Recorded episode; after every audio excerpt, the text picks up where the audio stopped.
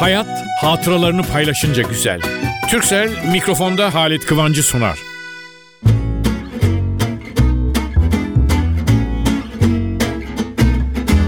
Merhaba sevgili dostlar nasılsınız? Nasıl geçti haftanız? İyi mi? Ha, eğer varsa arabanıza bindiniz, o gezdiniz, bastınız gaza ya da dostlarınızla beraber oldunuz. Araba falan değil, gezmeyi seviyorsanız eşinizle, arkadaşlarınızla gezebilirsiniz, gezmişsinizdir. Ben onu onu söylemeyeceğim. Tabii her hafta olduğu gibi sizlere getirmek için, anlatmak için gördüklerimi orada gazeteleri, dergileri nasıl karıştırdım bilemezsiniz ama birinde okudum. Vallahi yerlere yattım. Çok güzel ya. Bir temel fıkrası. Ben Trabzonlu, Karadenizli kardeşlerimi çok severim. Temel fıkrası anlatırken de ben daima benim temelim çok zekidir, çok tatlıdır. Şimdi öyle dinleyin. Temel araba sürüyormuş. Önüne bir tabela çıkmış. Büyük bir levha. Üstünde yazıyor. Yavaşla 10 kilometre yazıyor. Temel bakmış hızını 10 kilometre aşağı düşürmüş. Gitmiş gitmiş biraz sonra bir tabela daha.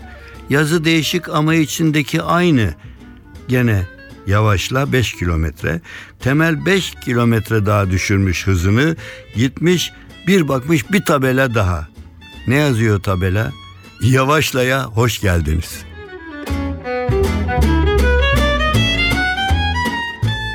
Bugün bir haberim var. Benim değil, gazetede gördüm. Ve gördüm okudum, bir daha okudum. İnanmayacaksınız. Beş mi, altı mı, yedi mi? Ya İngiltere'de dördüncü kümede, dördüncü küme var orada.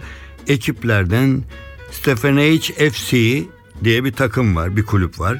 Kalecisi Sam Bisson sakatlanıyor 26 yaşında ve kulübede oturacak kaleci yedek kaleci kalmıyor. Ne oluyor mu sonra?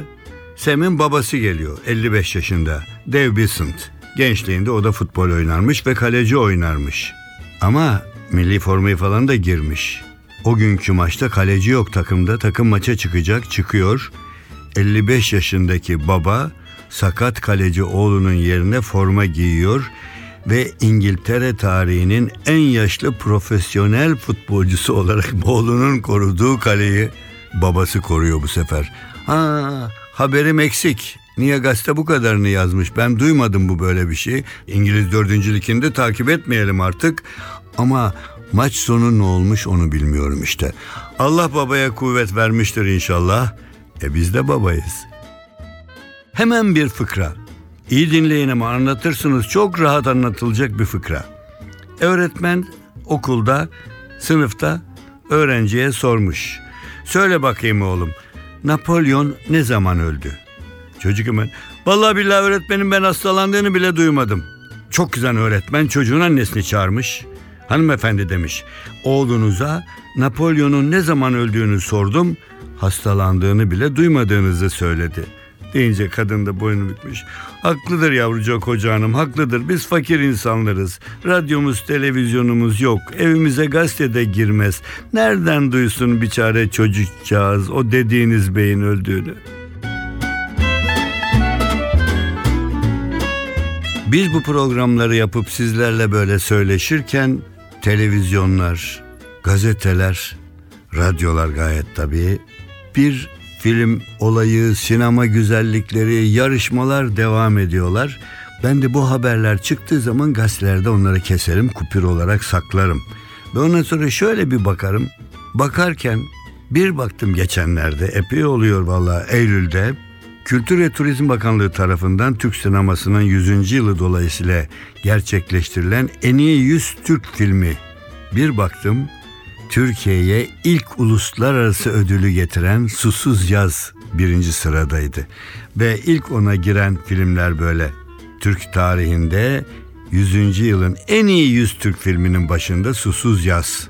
İkinci Hababam sınıfı, üçüncü Babam ve Oğlum, dördüncü Eşkıya, beşinci Canım Kardeşim, altıncı Selvi Boylum Al Yazmalım, yedinci Züğürt Ağa, sekizinci Yol, dokuzuncu Vizontele, onuncusu da Bir Zamanlar Anadolu. Bir Zamanlar Anadolu öyle bir bu onlu film zaferi, bu filmler Bir geçti önümden, kafamdan, gözlerimden, hayalimden. Oynayanlar içinde arkadaşlarımız tek tek isim saymıyorum. Kimseyi kırmak istemem ama şunu söyleyeyim. Sinemanın kalıcılığı, kitabın kalıcılığı. Kitap nereden kuvvet alıyor? Kalıcılıktan. Aynı şey gazete için geçerli. Gazete çıkar ama onun önemli bir yanını kesip saklarsınız. Gençler size sesleniyorum. Ailenizde de güzel bir olay oldu mu? Kötü olayları, üzücü olayları üzülerek anmak için saklayacaklarınız var. Çok sayıp sevdiğiniz aile büyüklerinden birini kaybettiğiniz zaman resmine bakıp onu hatırlamak. İnancınız varsa Fatiha okumak, nasıl derseniz yani hatırlamak çok güzel bir şey. Bu işte sinemanın sadece eğlence müzik falan değil. Sinema televizyonda ölmezleştiriyor şimdi. Radyo sadece bir sesle seslenebiliyoruz. Ama inanın böyle güzel bir şey oldu mu saklayın. Gençler ille biriktirmek böyle koleksiyon falan merak edemiyorum ama sinemada 100. yılda en iyi 100 Türk filmi seçilmişse bunu bir yere yazmak ya da büyüklerinize sormak sizden evvel yaşamış olanlara okunacak yere. Yok benim sinema ile ilgim yok. O zaman bir başka ödül. Ödüllendirme ne biliyor musunuz? O gün için o yapılan işin en güzeli olduğunu kabul edilmesi. İşte böyle bir güzellik sizin akrabanızda da olur. Hiç tanımadığınız bir insanda da olur. Ama bir gün gelir okulda soru diye sorarlar. Çünkü o dünya çapında gidip bir ödül kazanmıştır. Şimdi tek tek saymak istemiyorum vaktinizi almamak için. Ama bu nevi güzellikler olduğu zaman kesin saklayın. Bu nevi bir koleksiyon merakınız olsun. Güzel bir olay o yılın falanca seçileni. Bu spor için de geçerli. Spor falan kulübü tutuyorsanız onun başarılarındaki böyle küçücük bir köşeyi kesin saklayın. Kaç yıl sonra oğlunuza kızınıza demiyorum torununuza gösterebilirsiniz. Bakın kaç sene önce bu takım böyle başarı kazanmıştı. Geçmişi hatırlamak, geleceği daha güzel karşılamak için insana güç verir.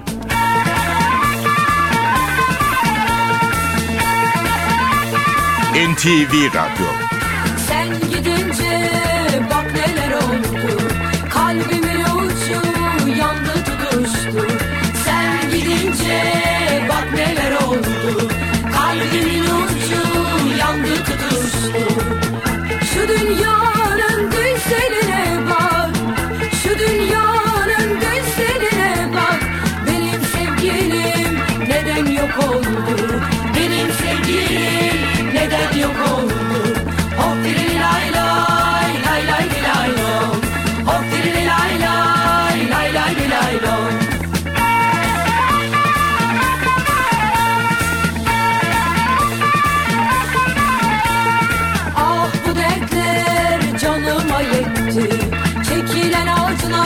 nedense çabuk bitti? Ah bu dertler canıma yetti. Çekilen ağaçlar nedense çabuk bitti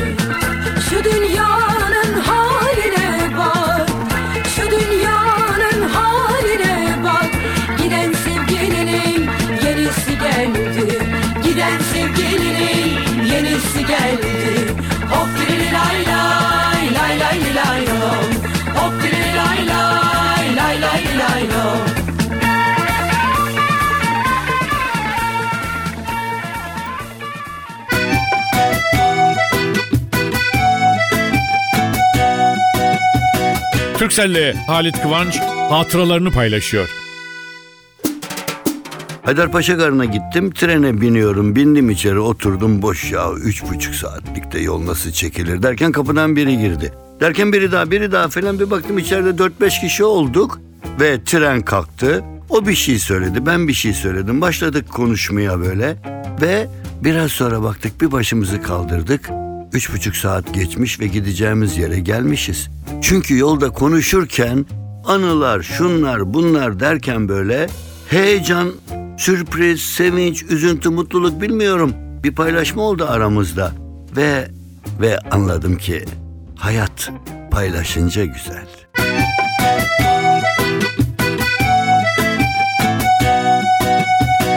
Türkcell'le Halit Kıvanç hatıralarını paylaştı. NTV Radyo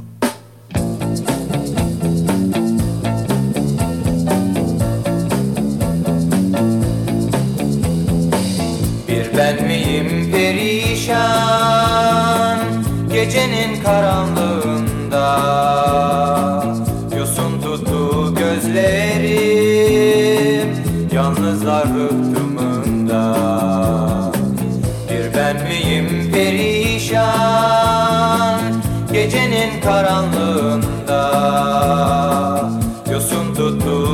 gözlerim Yalnızlar rıhtımında Bütün gece ağladım Dalgalar kucağında. Yosun tuttu gözlerim Yalnızlar rıhtımında Bütün gece ağladım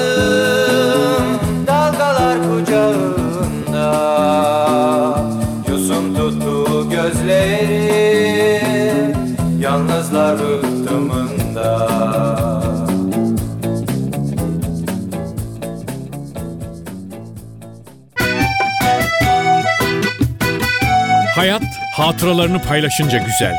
Türkcell'in sunduğu mikrofonda Halit Kıvanç devam ediyor.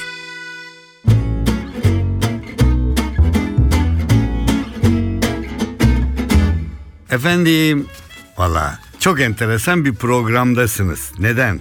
Kadın konumuz. Peki kadınlar hakkında kim ne söyleyecek? Bendeniz. Evet, Halit Kıvanç'a sormuşlar. İnanın öyle bakın önümde. Röportaj böyle.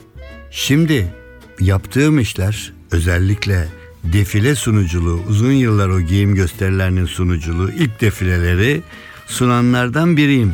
Saygıyla rahmetle andığım Orhan Boran vardı. Daha sonra Erkan Yolaç katıldı bize ve biz üçlü bu işleri yaptık da o zaman.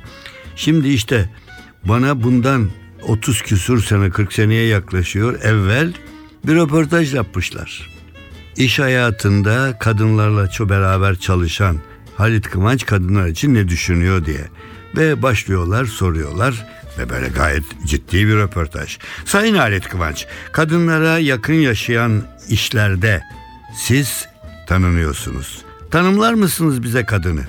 Haklısınız ama kadını tanımlamak o kadar kolay değil. Ben doğa kadın erkek diye ayrılıklar koymuş ama ben böyle bir ayrılık görmüyorum ve kullanmıyorum. Temelde de bir ayrılık olmaması gerek. Bugün bir kadın uçak pilotluğu yapıyor. Havada uçuyor. Bir erkek de mutfağa girip mayonez hazırlıyor. Peki kadınlarla hangi alanlarda daha çok? Yaşamımda yazarlık var demişim. Konuşarak yaptığım işler var. Radyo televizyon sunuculuğu, spor var, magazin var. Bu konularda ki bunlar da çoğu kadınları ilgilendirir. Çoğu diyorsunuz demişler. Evet tabii çoğu spor olduğu halde kadınlardan da sporla ilgilenen birçok. Peki bu samimi dünyadaki gözlemlerinizden Valla ben mahcup bir delikanlı olarak yetiştim diye yazmışım, cevap vermişim. Üniversitede girdiğim zaman yani gene mahcuptum. Ben ilk kez bir çaya ablamla gitmiştim. Aile öyle yollamıştı. Sonra üniversitede ve gazetecilikte yaklaşımımız başladı ve bu arada moda diye bir şey doğduğunu gördük. Bu arada defile denen bir olayın yaratıldığını gördük. Bir gün baktım ki ben o defile, o giyim gösterisinde sunucuyum. Hem de yenilikler, değişiklikler getirerek. Onun için kadınlara iş olarak da yakın oldum. Sonra sormuşlar, devam etmişler. Peki makyaj kadının dünyasında çok önemli yer alıyor. Ne dersiniz? Evet doğrudur ama makyaj kadın için yüz yıkamak gibi bir şey kabul edilmeli. Kadın sabahleyin biz nasıl erkek yüzümüzü yıkıyorsak, saçımızı tarıyorsak kadın biraz daha güzellik, ulu tanrının güzellik sembolü olarak yarattığı bir yaratık. Onun için onun biraz daha yüzünü yıkamak gibi değil, daha çok ilgilenerek hazırlanması lazım.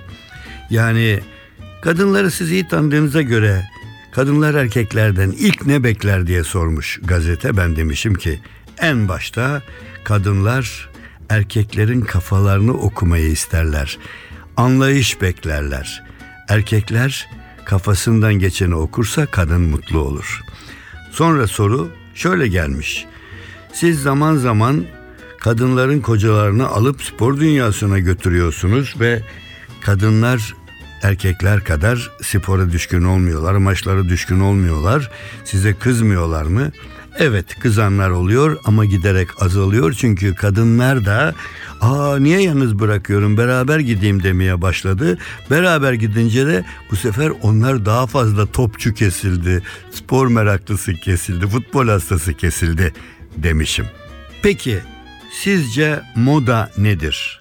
Bence moda kadını erkeği ayırt etmem. Erkeğin de bir ölçüde saçını taraması, tıraş olması, sakalı, bıyığı dahil bir görüntü var. Moda insana yakışandır. Kadının, erkeğin giyimi de dahil ama özellikle yüzüne dikkat etmesidir. Bakın erkekler büyük çoğunluğu çok boyanmış, çok süslü kadını çok fazla tercih etmezler. Bilmiyorum bu görüş meselesi ama temiz, zarif giyimli bir kadın güzel bir giysiyle kendi güzelliğinin bile önüne geçebilir. Ben o defilelerde, moda şovlarında inanın öyle bazı hanım kızlarımız vardı. Şimdi çoluk çocuk sahibi onlarda rastlaşıp konuşuyoruz. Ve güzel genç kızlar ama o defilede giyilen giyim gösterindeki giysiler öyle değiştirirdi ki onları. İşte onun için o zaman da demişim ki bir kadın giyimine çok dikkat etmeli. Giyim kendi tipine, şekline, yaptığı işe uygun olmalı. Şimdi bir kadın hakim, yargıç mahkemede bir insanın hayatını hapse atmayacak bir karar çıkaracak. Bunu hakim, hakim hanım verecek. Ama bu hakim hanım, bu yargıç kadın hakimliğin kişiliğine, şahsiyetine, ağırlığına uygun giyinmek zorundadır. Bir öğretmen için de aynı şey geçerli. Onun için kadınlar erkeklerden daha da dikkatli olmalı. Ama bütün hepsinin yanında kadın kendini daha da güzel gösteren bir giysi ve bir makyaj şarttır, şarttır demişim ben o zaman. Şimdi ondan sonra bakayım şöyle bakıyorum aşağıya. Yani çok uzun bir röportaj şöyle vaktinizi almak istemiyorum. Peki fizik olarak, yapı olarak sizce bir kadın nasıl güzel olur? Efendim ben her bakımdan ölçülü kadınları severim. Yani bir kadın güzel diyorsanız ölçülü davrandığı için güzeldir. Ölçülü giyinen, ölçülü konuşan ve diyalog kuran. Güzel olmalıdır ama kafasının içinin de biraz dolu olması lazım. Yani ne diyeyim hani bir olaydan bahsediyorsanız o sırada bütün gazetelerde böyle okunan bir olay. Eğer kadın hiç haberi yoksa hiçbir şey o konuda konuşamıyor da neymiş ne oldu diye sorarsa yadırgarsınız. Ama şöyle de söyleyeyim bazı erkeklerin de kadınlara karşı davranışını illa ben evin erkeğin, evin babasıyım, evin adamıyım. Hayır efendim. Ulu Tanrı bir kadın bir erkek yaratmış ve ikisinin birleşmesiyle hayat devam etmiş. Onun için ben kadını, kadın denen kavramı her şeyden önce beyler hiç kızmayın bana erkekten daha önemli buluyorum. Niye mi? Orada da röportajda da kocaman söylemedim onu başta başa çıkarmışlardı. Erkeğim ama kadın biz erkeklerden daha önemli, daha büyüktür falan filan. Niye? Niye mi? E siz cevap verin lütfen gençler. Siz hiç çocuk doğuran bir erkek gördünüz mü? Ama bütün yaşayan yaratıkları bir anne doğurmuştur.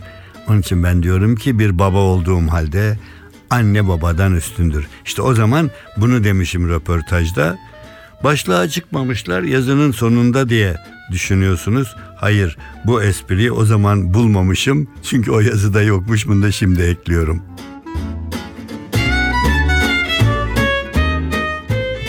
Bir fıkra.